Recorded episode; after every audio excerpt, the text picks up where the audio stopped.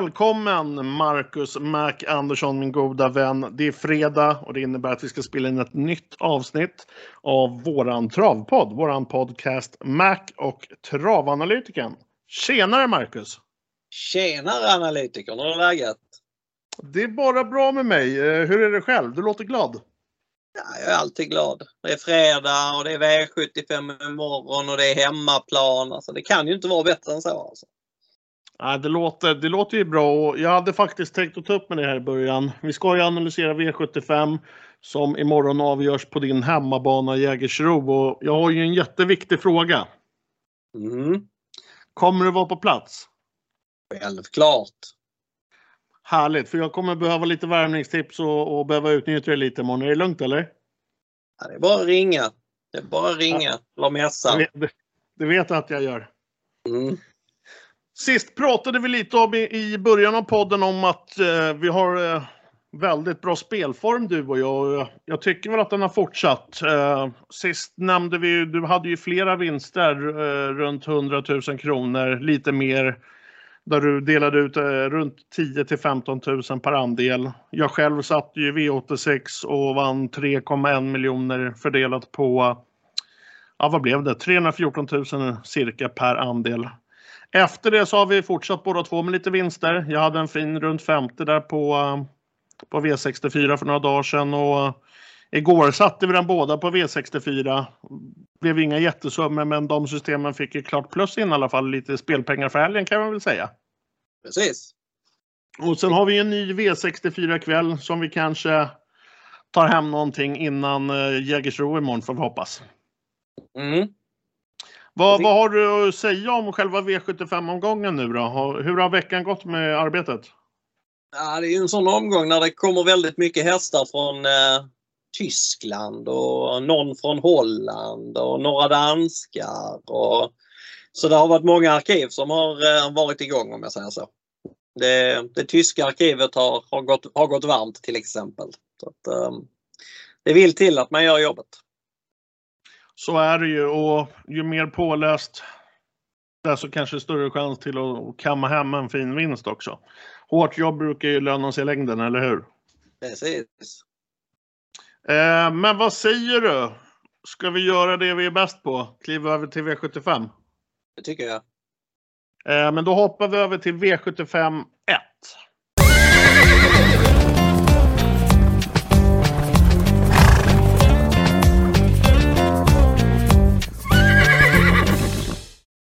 V75 ska alltså avgöras på din hemmabana Marcus Jägersro.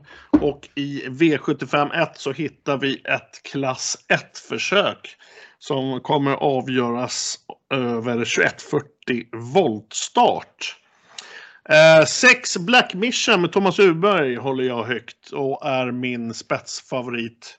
Jag antar, tror, hoppas att den ska laddas mot tät. Eh, ja, mot spets. Urberg tycker jag är träffsäker och, och är säker som kusk och där hamnar mitt första streck. Eh, men jag vill samtidigt varna för starka 11 Twigs Honor med, med Björn Goop i sulken. Den har även visat att den kan vinna från bakspår. Jag tror det var på Solvalla sist när man faktiskt eh, från bakspår. Eh, båda de här ekipagen, om vi kollar just nu på sträckfördelningen, är spelade på 18 kontra 11 procent och det tycker jag är, är klart prisvärt. Eh, så landar min A-grupp i alla fall, Marcus. Mm. Jag vet inte riktigt vad jag ska tro om inledningen. Jag tycker att eh, Black Mission har ju seglat upp som favorit nu på fredagen. Och tittar man på oddsen som nätbolagen har så har de honom som klar favorit. Det känns som att han kommer sticka lite på procenten under lördagen. Det är min, min känsla i alla fall. Att han kommer sluta som klar favorit och det vet jag inte om jag tycker att han ska vara. Eh, han såg bra ut förra gången när han satt fast med krafter kvar bakom Parker. Han slog Bugatti Miles den gången, gick 11,5 sista varvet och han hängde med lätt bakom ledaren. Men eh, denna gången ska han gå i spets och eh, jag tycker att det är lite vek häst faktiskt. Man ska notera en grej dessutom att när Black Mission startade på Jägersro för fyra starter sedan den 4 september så stod han i 105 gånger pengarna Och i samma lopp var Hannibal Face nummer 9 favorit spelad till tre gånger pengarna. Så att eh, då var i alla fall spelarna inne på att Hannibal Face var en väldigt mycket bättre häst än Black Mission. Ja men så är det, så är det. Mm. Och jag, jag, tycker att Hannibal Face, om han gör om det loppet som han gjorde näst senast när han vann på 11 och 6 från spets, 10 och 7 sista varvet. Då, då ska han ju vara ensam på, på plan här egentligen. Det, det Kruxet med honom är ju att han, han är lite osäker, han galopperar en del. Han har rygg på en häst som inte är speciellt startsnabb och riskerar att hamna en bit bak inledningsvis. Men skulle han komma fram utvändigt ledaren i tid så tror jag att han krossar Black Mission i alla fall. Men eh, så att han är, han är mitt första streck. Om Adrian lyckas liksom, som du säger, den, den har ju inte rygg på en startsnabb häst, men om man lyckas komma ut, tror du Adrian får köra fram direkt då eller? Jag tror nog att han vill syna dödens med den ja. Det är ja. jag ganska säker på. Det är liksom ingen annan häst i loppet som som vill köra i döden. Så det är väl han eller Indigo, nummer åtta, som skulle kunna tänkas köra offensivt. Och Indigo har en ännu värre startrygg. Han har rygg på nummer ett, Wolf of Wall Street. Eh, och det känns, ja, det känns verkligen iskallt. Jag kollade Wolf of Wall Street i voltstart. Han har haft, startat i, i voltstart fyra gånger. Tre gånger från framspår och en gång från bakspår. Och när de har sagt kör då har han galopperat. Han har inte varit i närheten av att gå iväg felfritt när det har handlat om den startmetoden. Så att, eh, den tror jag kommer att vara borta direkt. Eh. Ursäkta mig. Nej, men, men jag håller ju med om Hannibal Face. Den är klart intressant. Eh, nackdelen är väl det att den, att den har eh, häst framför sig som inte är startsnabb. Jag, ja, jag lägger min A-grupp i alla fall på 6-11. Och du varnar för nummer 9 Hannibal Face. Ja, en storskräll i loppet skulle nummer 10 Cadiz kunna vara. Den eh, satt verkligen fast med rubbet sparat senast i ett eh, V4-lopp i Jägersro innan, innan V75. Den såg grymt bra ut då. Det är 2% där, det tycker jag är lite väl lite faktiskt. Så att, eh, om, man, om man garderar på så ska den med. Härligt! Den har jag högt upp i B-gruppen och 2 tycker jag är klart intressant om man ska sträcka på lite. Då är den ju självklart given på kupongen. Mm. Eh, men vad säger du, ska vi blicka över till V75 2, diamantstovet? Där jag vet att vi kommer vara lite osams.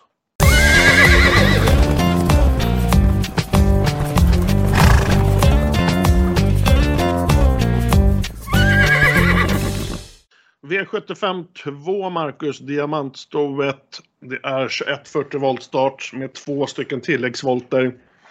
Här vet jag att vi kommer vara lite, inte osams, men vi kommer väl inte kanske ha samma första streck. Eh, ska jag börja eller vill du köra?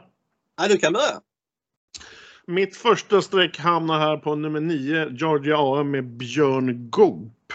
Tycker att det är jätteintressant med just Björn upp i sulken. Det är ett klart plus tycker den här hästen har sett eh, uppåt och bra ut på slutet tycker jag. Sen är jag lite osäker på kanske hur Björn taktiserar den här resan. Men jag, jag, är klart inne på att den skulle kunna vinna även från dödens om den skulle få köra fram. Ja, annars, eh, förutom nummer 9 så tycker jag 4 InStyle ser väldigt bra ut. Får se hur den kommer ta den svenska marken, men den ska givet med. Ska jag varna för lite skrällar så varnar jag för nummer 11 8 Hour med Stefan Persson. Blir rykthussa där första gången. 7% står det nu. Eh, lyfter varningens finger som jag brukar säga för nummer 10 Don't Be Shy med Erik Adelsson. 3% på den tycker jag är lite klent och det är prisvärt taget för mig. Den har bra kapacitet, troligen mer än vad spelarkollektivet vet och den står bra inne i klassen och skulle det stämma på den här resans gång så ja, jag är inte förvånad i alla fall om den skulle sätta nosen först. Men jag vet att du har en annan häst att lyfta fram. Mm, jag tror ju att eh, om nummer 6 Afrodite Face kommer till ledningen här så eh, ja, då ställer jag mig i, i utbetalningsluckan direkt. Det kan jag säga. Det, det, då är den helt klar. Den är, den är riktigt bra den här hästen. Den, var, den vann debuten på 15 och 7. Då gick den utvändigt om nummer 1 Nocturne Stone och bara mosade den. Sen eh, har det ju blivit eh, några galopper och några andra platser efter det. Ingen seger på nio starter men eh, den har aldrig varit sämre än tvåa i felfritt lopp. Och för fyra starter sen, då var den tvåa bakom kultoppen Red Lady Express. För fem starter sen så avslutade den 8,5 sista fyra bakom Seventh Heaven. Eh, jag tycker hon är riktigt jäkla bra faktiskt. Och sen hörde man på in, Ludvig Olgini blev intervjuad i ATG Live idag och han var ju, verkar ju vara precis lika inne på henne som jag är. Sen är det det där kruxet att hon, jag vill ju ha henne till spets och hon spetsar ju inte av egen kraft. Men jag är faktiskt inne på att Joakim Lövgren släpper bakom nummer ett Nocturne Zone. Som sagt så blev den mosad av Afrodite Face i debuten. Eh, och sen kommer den från en insats där den bara var femma från spets blev för het i den positionen den gången. Så jag tror nog att han, han gärna släpper och kör i ryggledaren denna gången. Och då kommer Afrodite Face till spets och då, då, då tror jag som sagt inte att hon förlorar. Hon är sträckad på en bra bit under 10% just nu så att eh, det lär hon inte vara när det är spelstopp. Hon lär väl leta sig upp till 12-13 skulle jag gissa på. Men eh, även till den procenten så tycker jag att det är en bra spik. Så att jag kommer spika Afrodite Face på många kuponger imorgon. Ja, jag har ju en eh, motfråga där. Eh, du säger ju att Alltså scenariet för dig, eller som du eh, läser och, och hoppas och tror och vill, det är ju att den ska till spets. Vad, vad händer om den inte får spets? Ja, då får han sätta sig lugn utvändigt. Hon har väl gått i dödens i fyra starter tror jag. Och varit tvåa eh, tre gånger och vunnit en gång från döden. Så att det är ingen position som hon räds direkt. Man ska tänka på att hon har matchat stenhårt mot de bästa treåriga stona i landet hela tiden. Senast var det Breeders Crown Semi, näst senast var det försök till Oaks. Så att hon är verkligen härdad. Och att hon bara är tre år, det tycker inte jag spelar så stor roll när vi är inne i november månad. Hon är, hon är fyra år om, om två månader så att det, det, tror jag, det tror jag inte ska fälla henne. Kommer du att, du kommer att spika som jag förstår? Jag kommer att spika henne på flera kuponger imorgon. Jag tycker att hon, men det är sällan man får en sån känsla för en häst som är så, så lite spelad som hon är. Det känns ja. som en 13-tidig spets i alla fall. Eh, och då, då borde de inte ta tillägg på henne. Om vi tittar på dina kuponger där en spik ej kommer äga rum. Vad, har du några mysiga skrällar att varna för eller hur, hur kommer det se ut för dig då? Ja, eh, Nocturne Zone som jag nämnde som eh, spetsfavorit initialt. Den tycker jag, den tycker jag är tidig. De rycker skorna på henne igen. Hon har två av tre barfota runt om. Och hon är extremt snabb om hon får ett lopp på väntan. Det är så jag tycker att man ska köra henne. Så att eh, ryggledaren och lucka på henne så blir hon givetvis farlig. Sen tycker jag den där tyskan In Style, den har jag kollat upp i arkivet. Hon eh, slog faktiskt Palmyra som jag trodde var stenklar när den var på besök förra V75-dagen på Jägersro.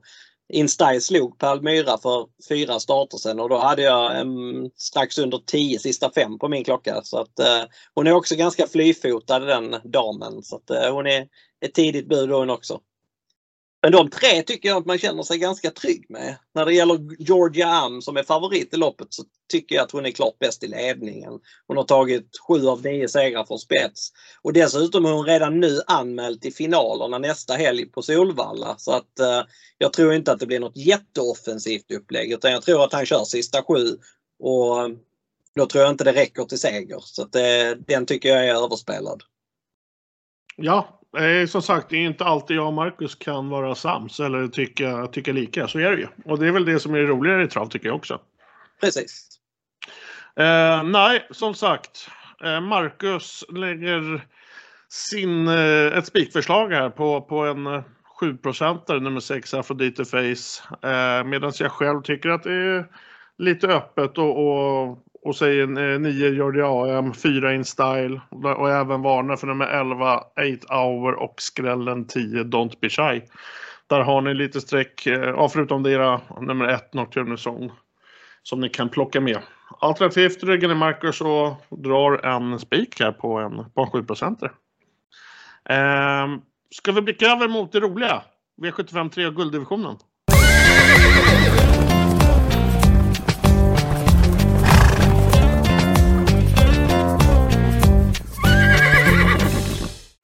Vi blickar alltså över till det roliga. V75 3, det är alltså gulddivisionen som ska avgöras på Jägersro-travet. Eh, första strecket för mig blir scenariot den klassiska spets och slut hämta ut. Det är nummer ett, Haram Boko. Anledning? Ja, det är en, det är en startraket. Jag tror spets ej missas. Ehm, 25 procent som det står nu när vi spelar in podden på en startsnabb häst som kan leda runt om. Det, det gillas eh, för min egen del i alla fall. Jag har väl svårt att se även den här veckan att det ska skrälla i guld. Eh, fortsätter väl kanske att jobba och skrika in nummer tre, Gareth Bocco. Som jag har eh, i tidigare avsnitt i podden pratat ganska gott om. Känner ju som sagt ägaren Darko och de tror att den här segern kommer när som igen. Det är i alla fall inget fel på formen vad jag förstår och spåret kan väl inte bli så mycket bättre för, för Garrett. Ehm, ska man ändå försöka fälla med någon skräll så Ja, det är väl kanske en jag kan tänka mig och det är nummer 6 Dragster som nu får en tät start och man kör på jänkaren där igen.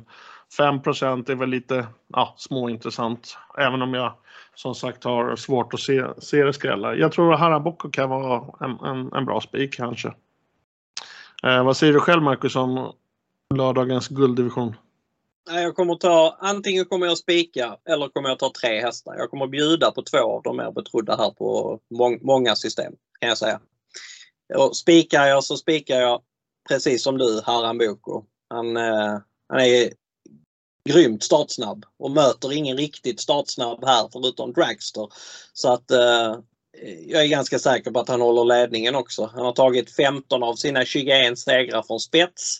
Hade kanske föredragit att det hade varit 1600 meter. Han har visserligen vunnit, tagit 15 av sina 21 segrar på, på eh, medeldistans och två segrar på långt. Men de tre senaste segrarna är på 1600 meter. Så att det, i nuläget så tycker jag att sprint är hans bästa distans.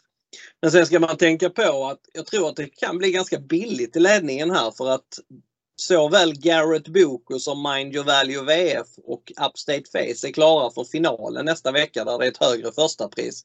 Så att jag tror inte att de mördar sina hästar utvändigt ledaren här och då kan det bli ett tämligen lugnt första varv för Haram Boko och då borde han ju bli svår att slå sista biten. Så att eh, går jag på en häst så går jag på Haram Boko. Men sträcker jag tre hästar så vill jag även ha med Upstate Face och Dragster.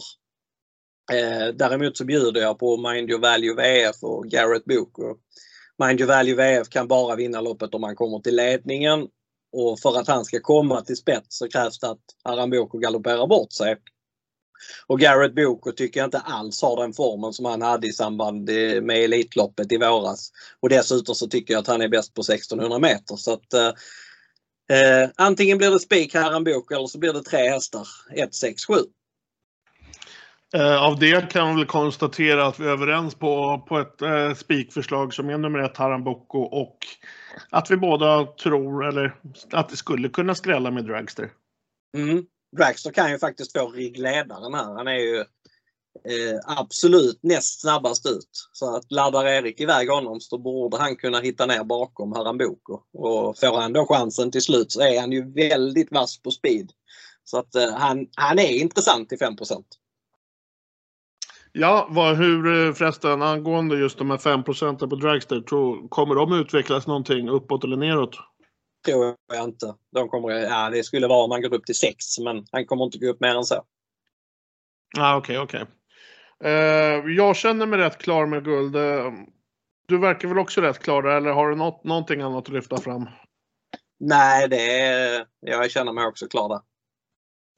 Då ska vi blicka över till V75 4 där vi har en tvååring som endast startat sex gånger och spelat till nästan 80 procent.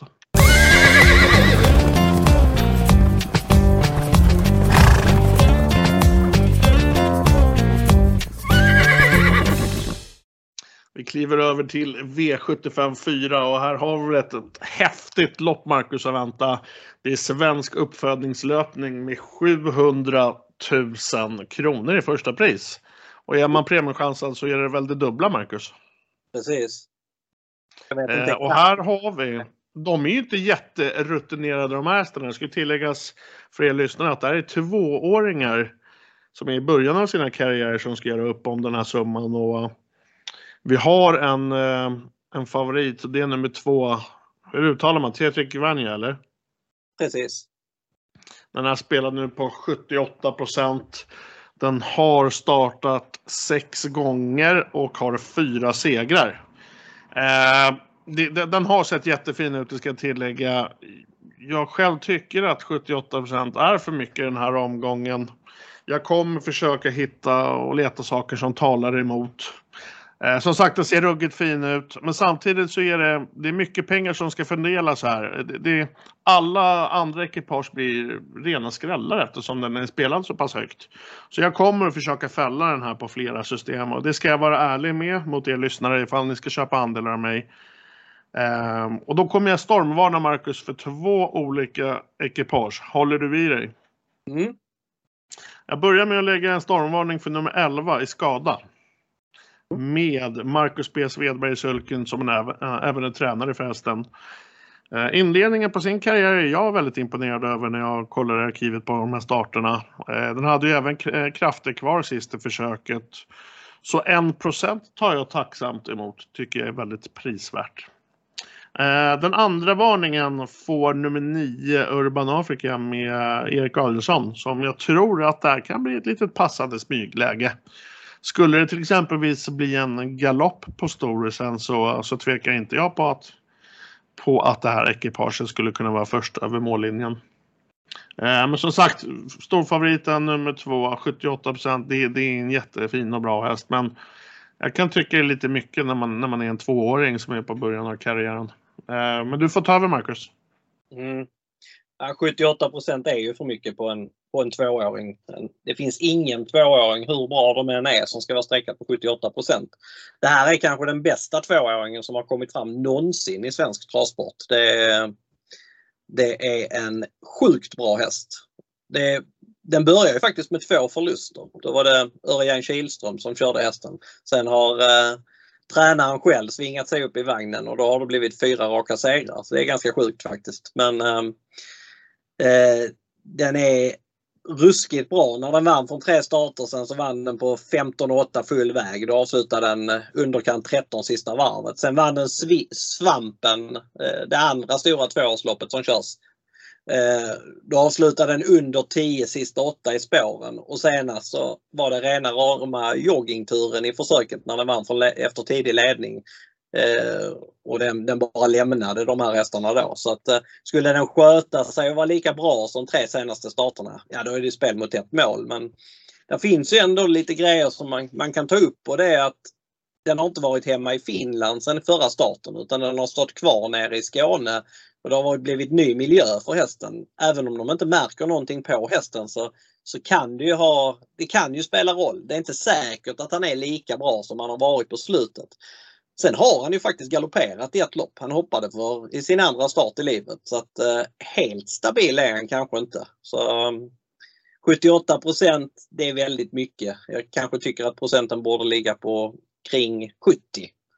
Kanske 67. Han vinner väl loppet två gånger av tre. Så, så skulle jag säga. Det jag tycker är lite roligt och intressant som du tar upp det är just det här med miljöombytet, att, att den står kvar och inte är hemma i Finland. Och då tänker jag att det borde ju vara betydligt svårare som en omogen tvååring än, än en rutinerad femåring. Mm, så känner jag också. Sen pratade jag med några tränare i veckan och bara tog upp det med dem och, och, frågade vad de trodde och de tyckte att på en normal tvååring så hade det nog spelat roll. Men det här är ingen normal tvååring. Han verkar vara han verkar vara stabil och tycker att det mesta är okej. Okay, så att eh, de trodde inte att det skulle vara någonting som, att, som man skulle bry sig för mycket om.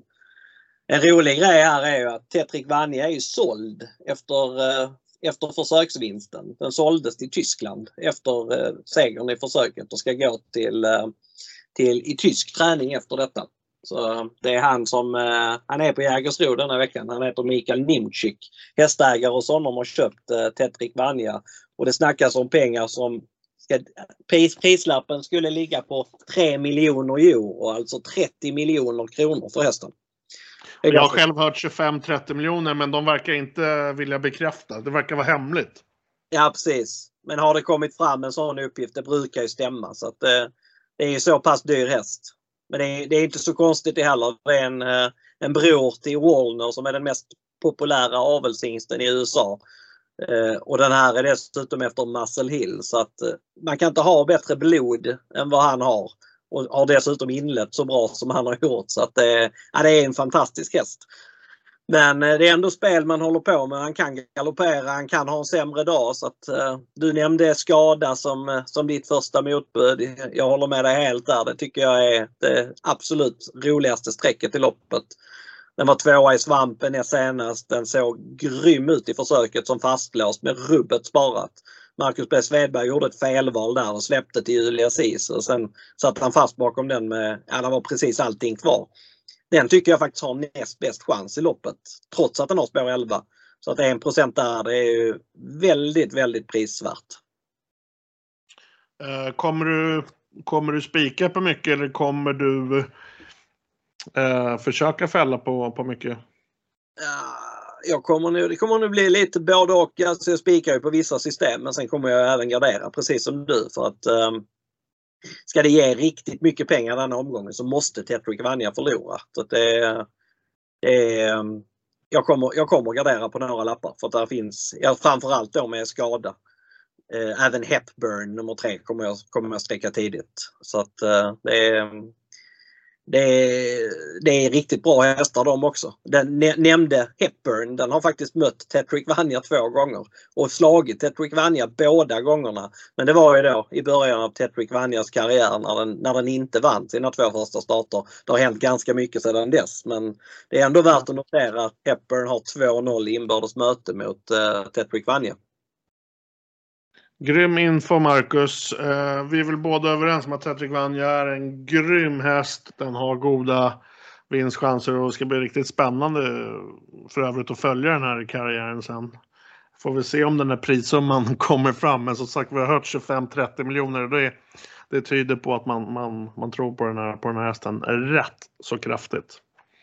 Eh, men ska ni inte spika, ni lyssnare, så både jag och Marcus varnar, eller stormvarnar jag faktiskt jag, för nummer 11 är skada. 1 procent. Eh, som vi båda anser har den näst bästa chansen, även fast spåret lyder nummer 11. Mm. Eh, det var väl V75 4 det, Marcus? Precis. Då blickar vi över till V75 5.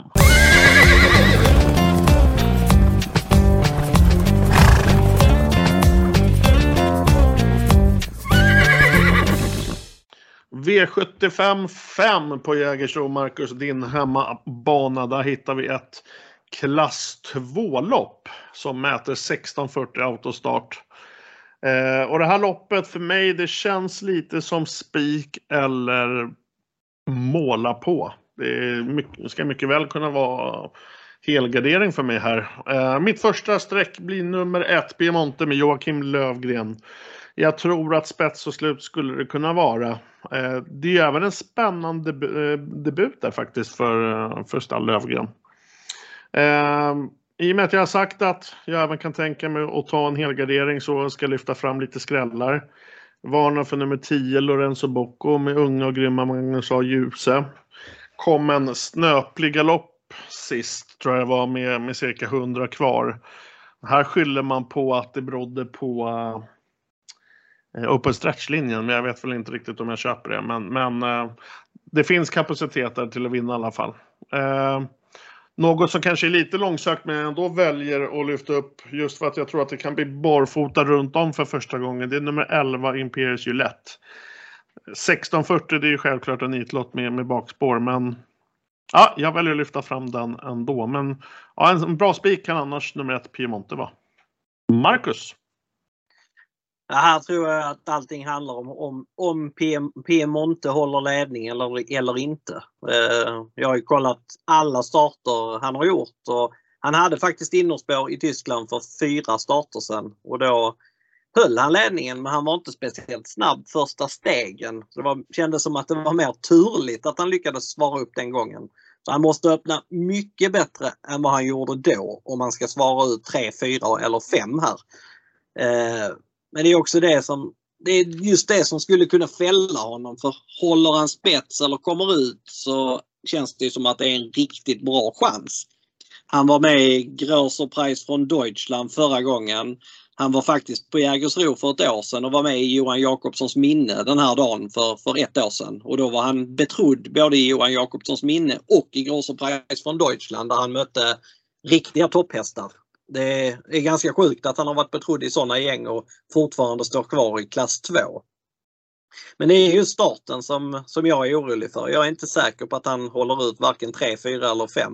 Och då, eh, då kan det ju bli strul. Då krävs det ju att han har lite tur för att vinna loppet. Sen är det ju så också att han är, han är runt eh, 20-25% just nu. Och det kommer ju stiga. Jag skulle gissa på att han kommer sluta på 35-40. Och alla kommer gå på honom. Då känns det inte, jag tycker inte att det känns riktigt bra att gå på honom med, med tanke på det. Jag tycker ja, att okay. en, en bra skräll här, det tycker jag är nummer 7 Nice and Quick.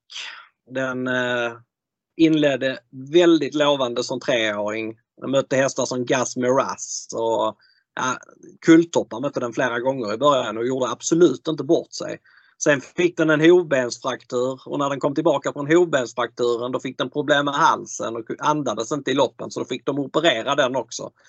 Sen har det tagit tid men nu, nu verkar han vara jäkligt på gång igen. Alltså. Han, jag hade under 14 i 1700 meter på honom efter galopp näst senast. Och senast så vann han överlägset från ledningen. Han stack undan med 20 meter sista 400 och jag hade 8,5 sista 400 på min klocka. Så att eh, den hästen duger tveklöst väldigt bra i klassen och är alltså på 4% här. Så att, eh, 1 och 7 kommer jag sträcka på eh, väldigt mycket. Jag kanske spikar rätt på någon lapp om inte procenten går upp alldeles för mycket men, men 7 kommer vara med på allt annat i alla fall. Det kan jag säga. Just det, jag har en fråga till dig då Marcus. Just det här med orosmomentet. Att den, just de här första stegen när, när bilen släpps inte är så snabba. Den har ju inte varit ute vad jag har letat efter så har den inte varit ute eh, över just 1640. Tror du inte det innebär att man trycker på extra då? Jo, det kanske det gör, men det, det kanske inte räcker. Han är kanske inte så explosiv så att han kan hålla upp. Nu ska han gå barfota. Jag vet inte om han har gått barfota i Tyskland, men jag skulle gissa på att han inte har gjort det. Så att eh, just att han ska gå barfota runt om är ju väldigt intressant. Det kan ju göra honom startsnabbare också och därmed göra att han håller spets. Och håller han spets och är som han har varit i Tyskland, ja då vinner han förmodligen loppet. Men eh, just det, det som skaver är att alla tror på honom denna omgången så att procenten kommer att gå upp väldigt mycket. Det är han och Black Mission i inledningen. De verkar vara omgångens riktiga kommundrag. De kommer att öka väldigt i procent under lördagen gissar jag. Så att de vill man egentligen inte ha någon av dem. Så att, eh, och det finns ändå frågetecken på Piemonte. Så att, eh, jag, äh, jag, jag, jag väljer nog att gardera på, på många system här. Ja. Uh, ja, ni får ta med det lyssnare och ha ögonen på um, hur eh, sträckan och procenten utvecklar sig på Piemont och hur mycket det går upp. Ska, vi, ska ni få ta med lite skrälldrag så är det som sagt nummer, från, från min egen del då, nummer 10 Lorenzo Bocco, nummer 11 Imperius Gillette. Medans Marcus McAnderson varnar för nummer 7 Nice and Quick till 4 Eh, men som jag sa innan, jag, ja, Spik kan tänka sig, jag kan även tänka mig helgardera det här loppet. Eh, jag som alltid brukar spela med någon form av helgardering på, på mina system. Eh, har vi något mer att ta upp i V75 5, Marcus? Nej, det räcker nog där. Uh, Rare Magic nummer 5 är, är ju ganska mycket betrodd. Kommer en sån till ledningen så är den ju bra. Så att den är, den är också ett tidigt segerbud. Ja. Men, äh, den är ju spelad så det var kanske inget, inget jag vill lyfta som något speciellt intressant. Nej, jag förstår, jag förstår. Eh, nej, men då släpper vi V75 5 och så blickar vi över till V75 6 där bronsdivisionen ska avgöras. Hur låter det Marcus? Låter super.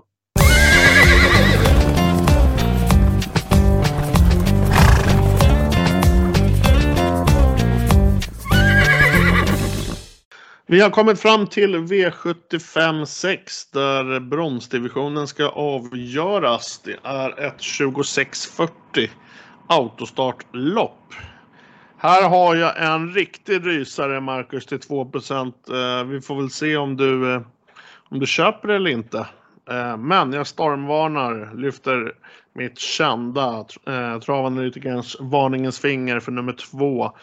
Unico Broline med Erik Adielsson. 2% har faktiskt nu blippat upp precis till 3% såg jag. Eh, men jag håller, jag håller kvar stormvarningen. Eh, här sätter man på första rycktussar, Marcus.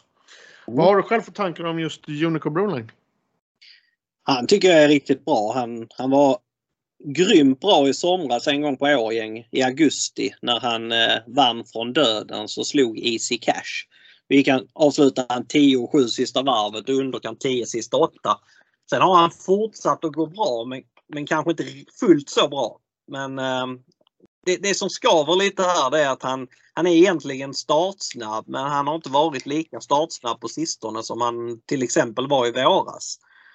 Hade jag trott att han skulle öppna riktigt bra så hade det varit bra chans att han hade fått ryggledaren här och då hade han ju varit superintressant. Men eh, jag vill helst ha honom i ryggledaren för att jag ska tro att han kan vinna loppet.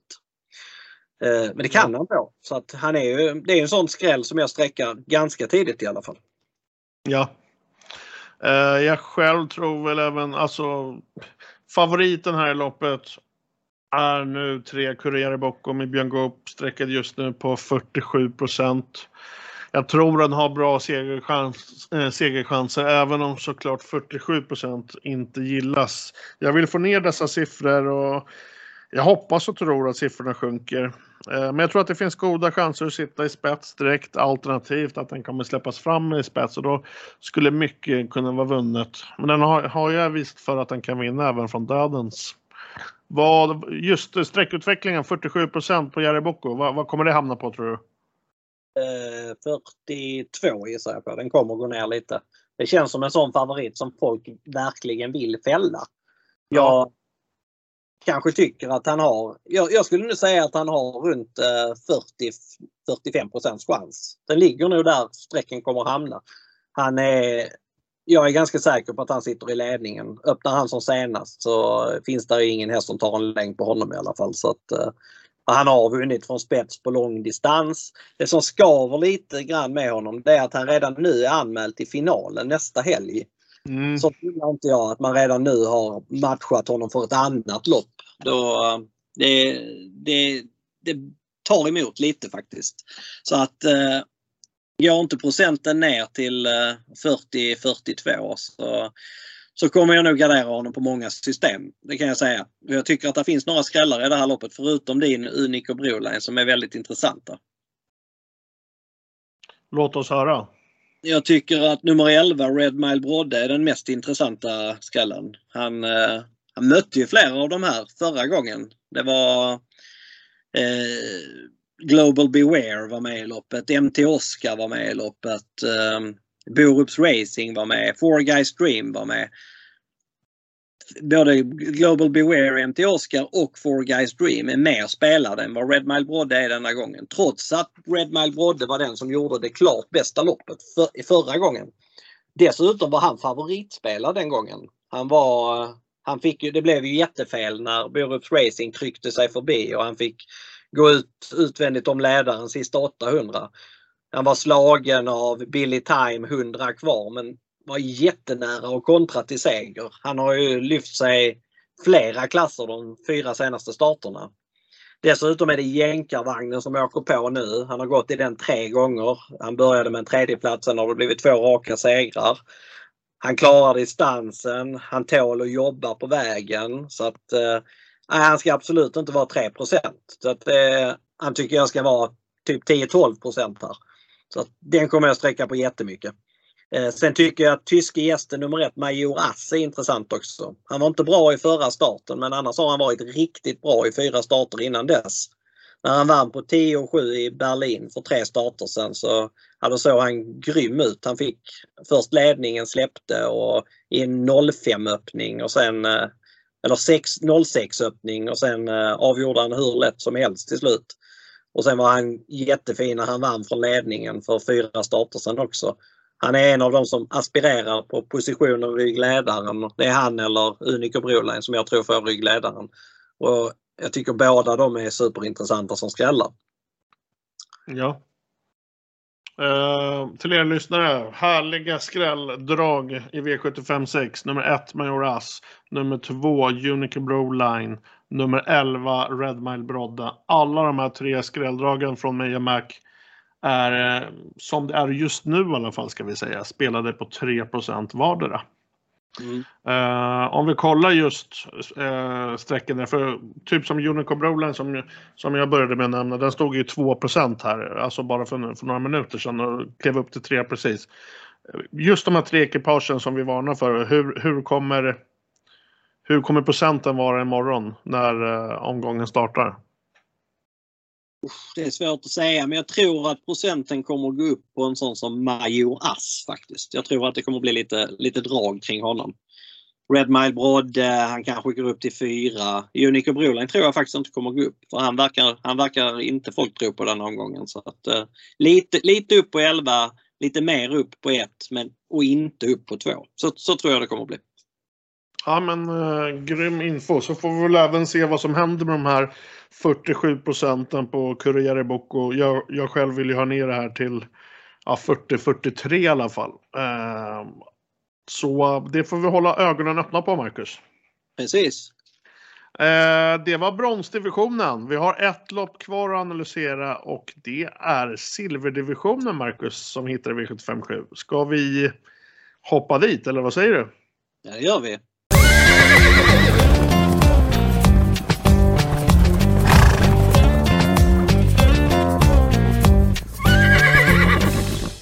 Vi har kommit fram till det sista loppet, eh, denna V75-omgång som avgörs på Jägersro.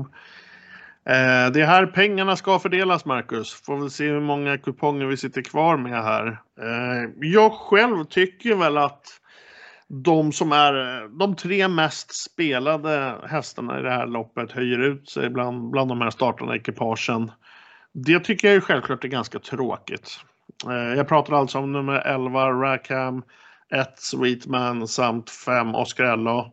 Vilket också är i den ordningen jag rankar dem i min A-grupp. Eh, men jag kommer ju självklart ha streck kvar och vi ska ju självklart försöka fälla. Större under har ju skett. Vad, vad tror du själv om, om loppet Marcus? Jag kan ju börja och säga att både du och jag spikade Sweetman förra gången när han var klart mindre spelad än Rackham. Då, ehm, då hade vi Sweetman som spik för många system.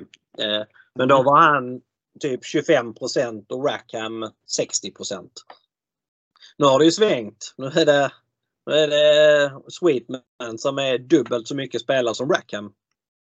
Och det tycker jag väl är lite fel faktiskt. Det, jag tyckte att eh, distansen talade till Sweetmans fördel förra gången.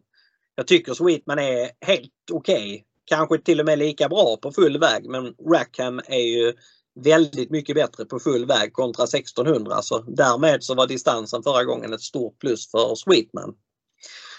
Eh, Sweetman var superfin förra gången. Han, eh, det var inte i närheten av att han förlorade det loppet. Han, vann, han bara stack undan sista biten och vann på 9-8 med krafter kvar. Men eh, nu är det full väg och ett jämnare fält och eh, flera bra hästar med i loppet. Det är Oscarella och är ruggigt bra. Rackham är ruggigt bra. Emoji är ruggigt bra. Det finns, eh, det finns fler bra motbud till, till Sweetman denna gången än vad det, än vad det för, fanns förra gången. Så att, eh, jag känner mig inte lika trygg på Sweetman denna gången De tippar faktiskt Rackham på spelvärdet etta.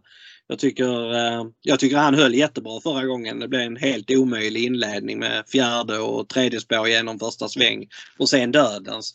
Och dessutom så hade han inte fått ett riktigt lopp i kroppen på en månad innan dess eftersom han galopperade bort sig som V75-favorit näst senast. Så att han kommer vara mycket bättre denna gången. Han kommer att köras eh, offensivt och jag tror att han har bra chans att mata ner de sista sju i spåren. Så att han är min första häst precis som du har. Så har jag, har jag Rackham tipsetta. Ja. Eh, om vi ska försöka lägga någon eh, rejäl skrällvarning här. Jag vet inte om du kommer köpa mitt men vi får väl se. Eh, ja, jag skulle väl, väl kunna varna för nummer 8 ADS 82 procent.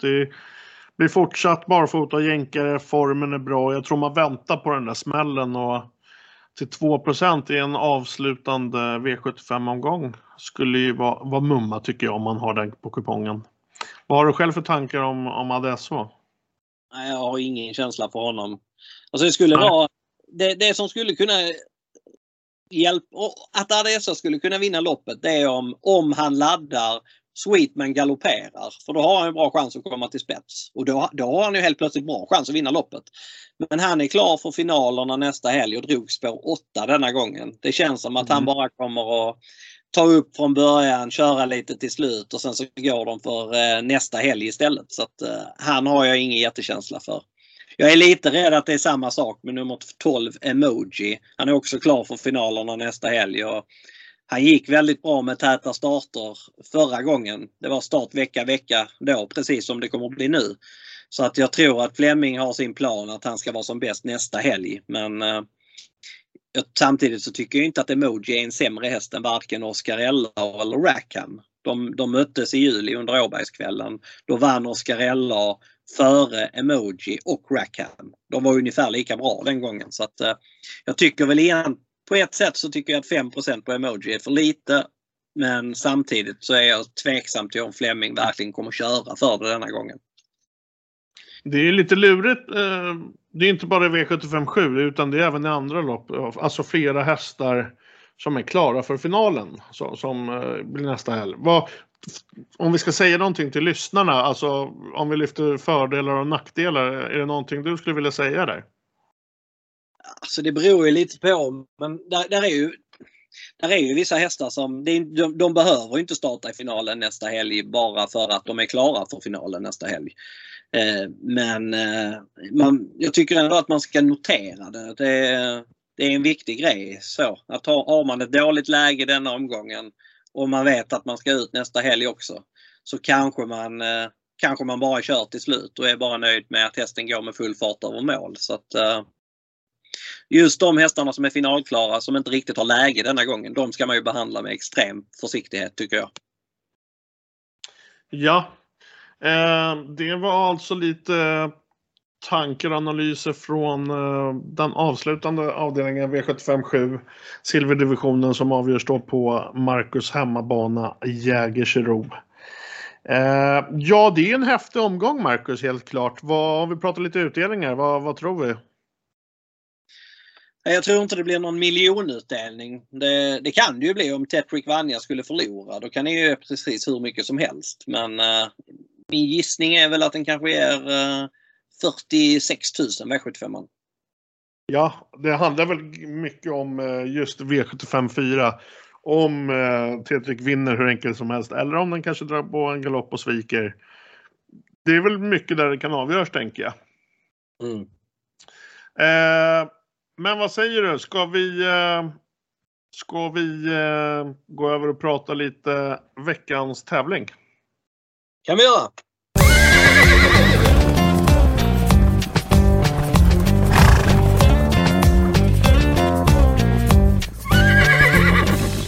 Marcus, sen vi började spela in den här podden, du och jag, de här avsnitten, så har vi haft ett system på direkta mellanspel som heter eh, Mac och travanalytiken Podcast.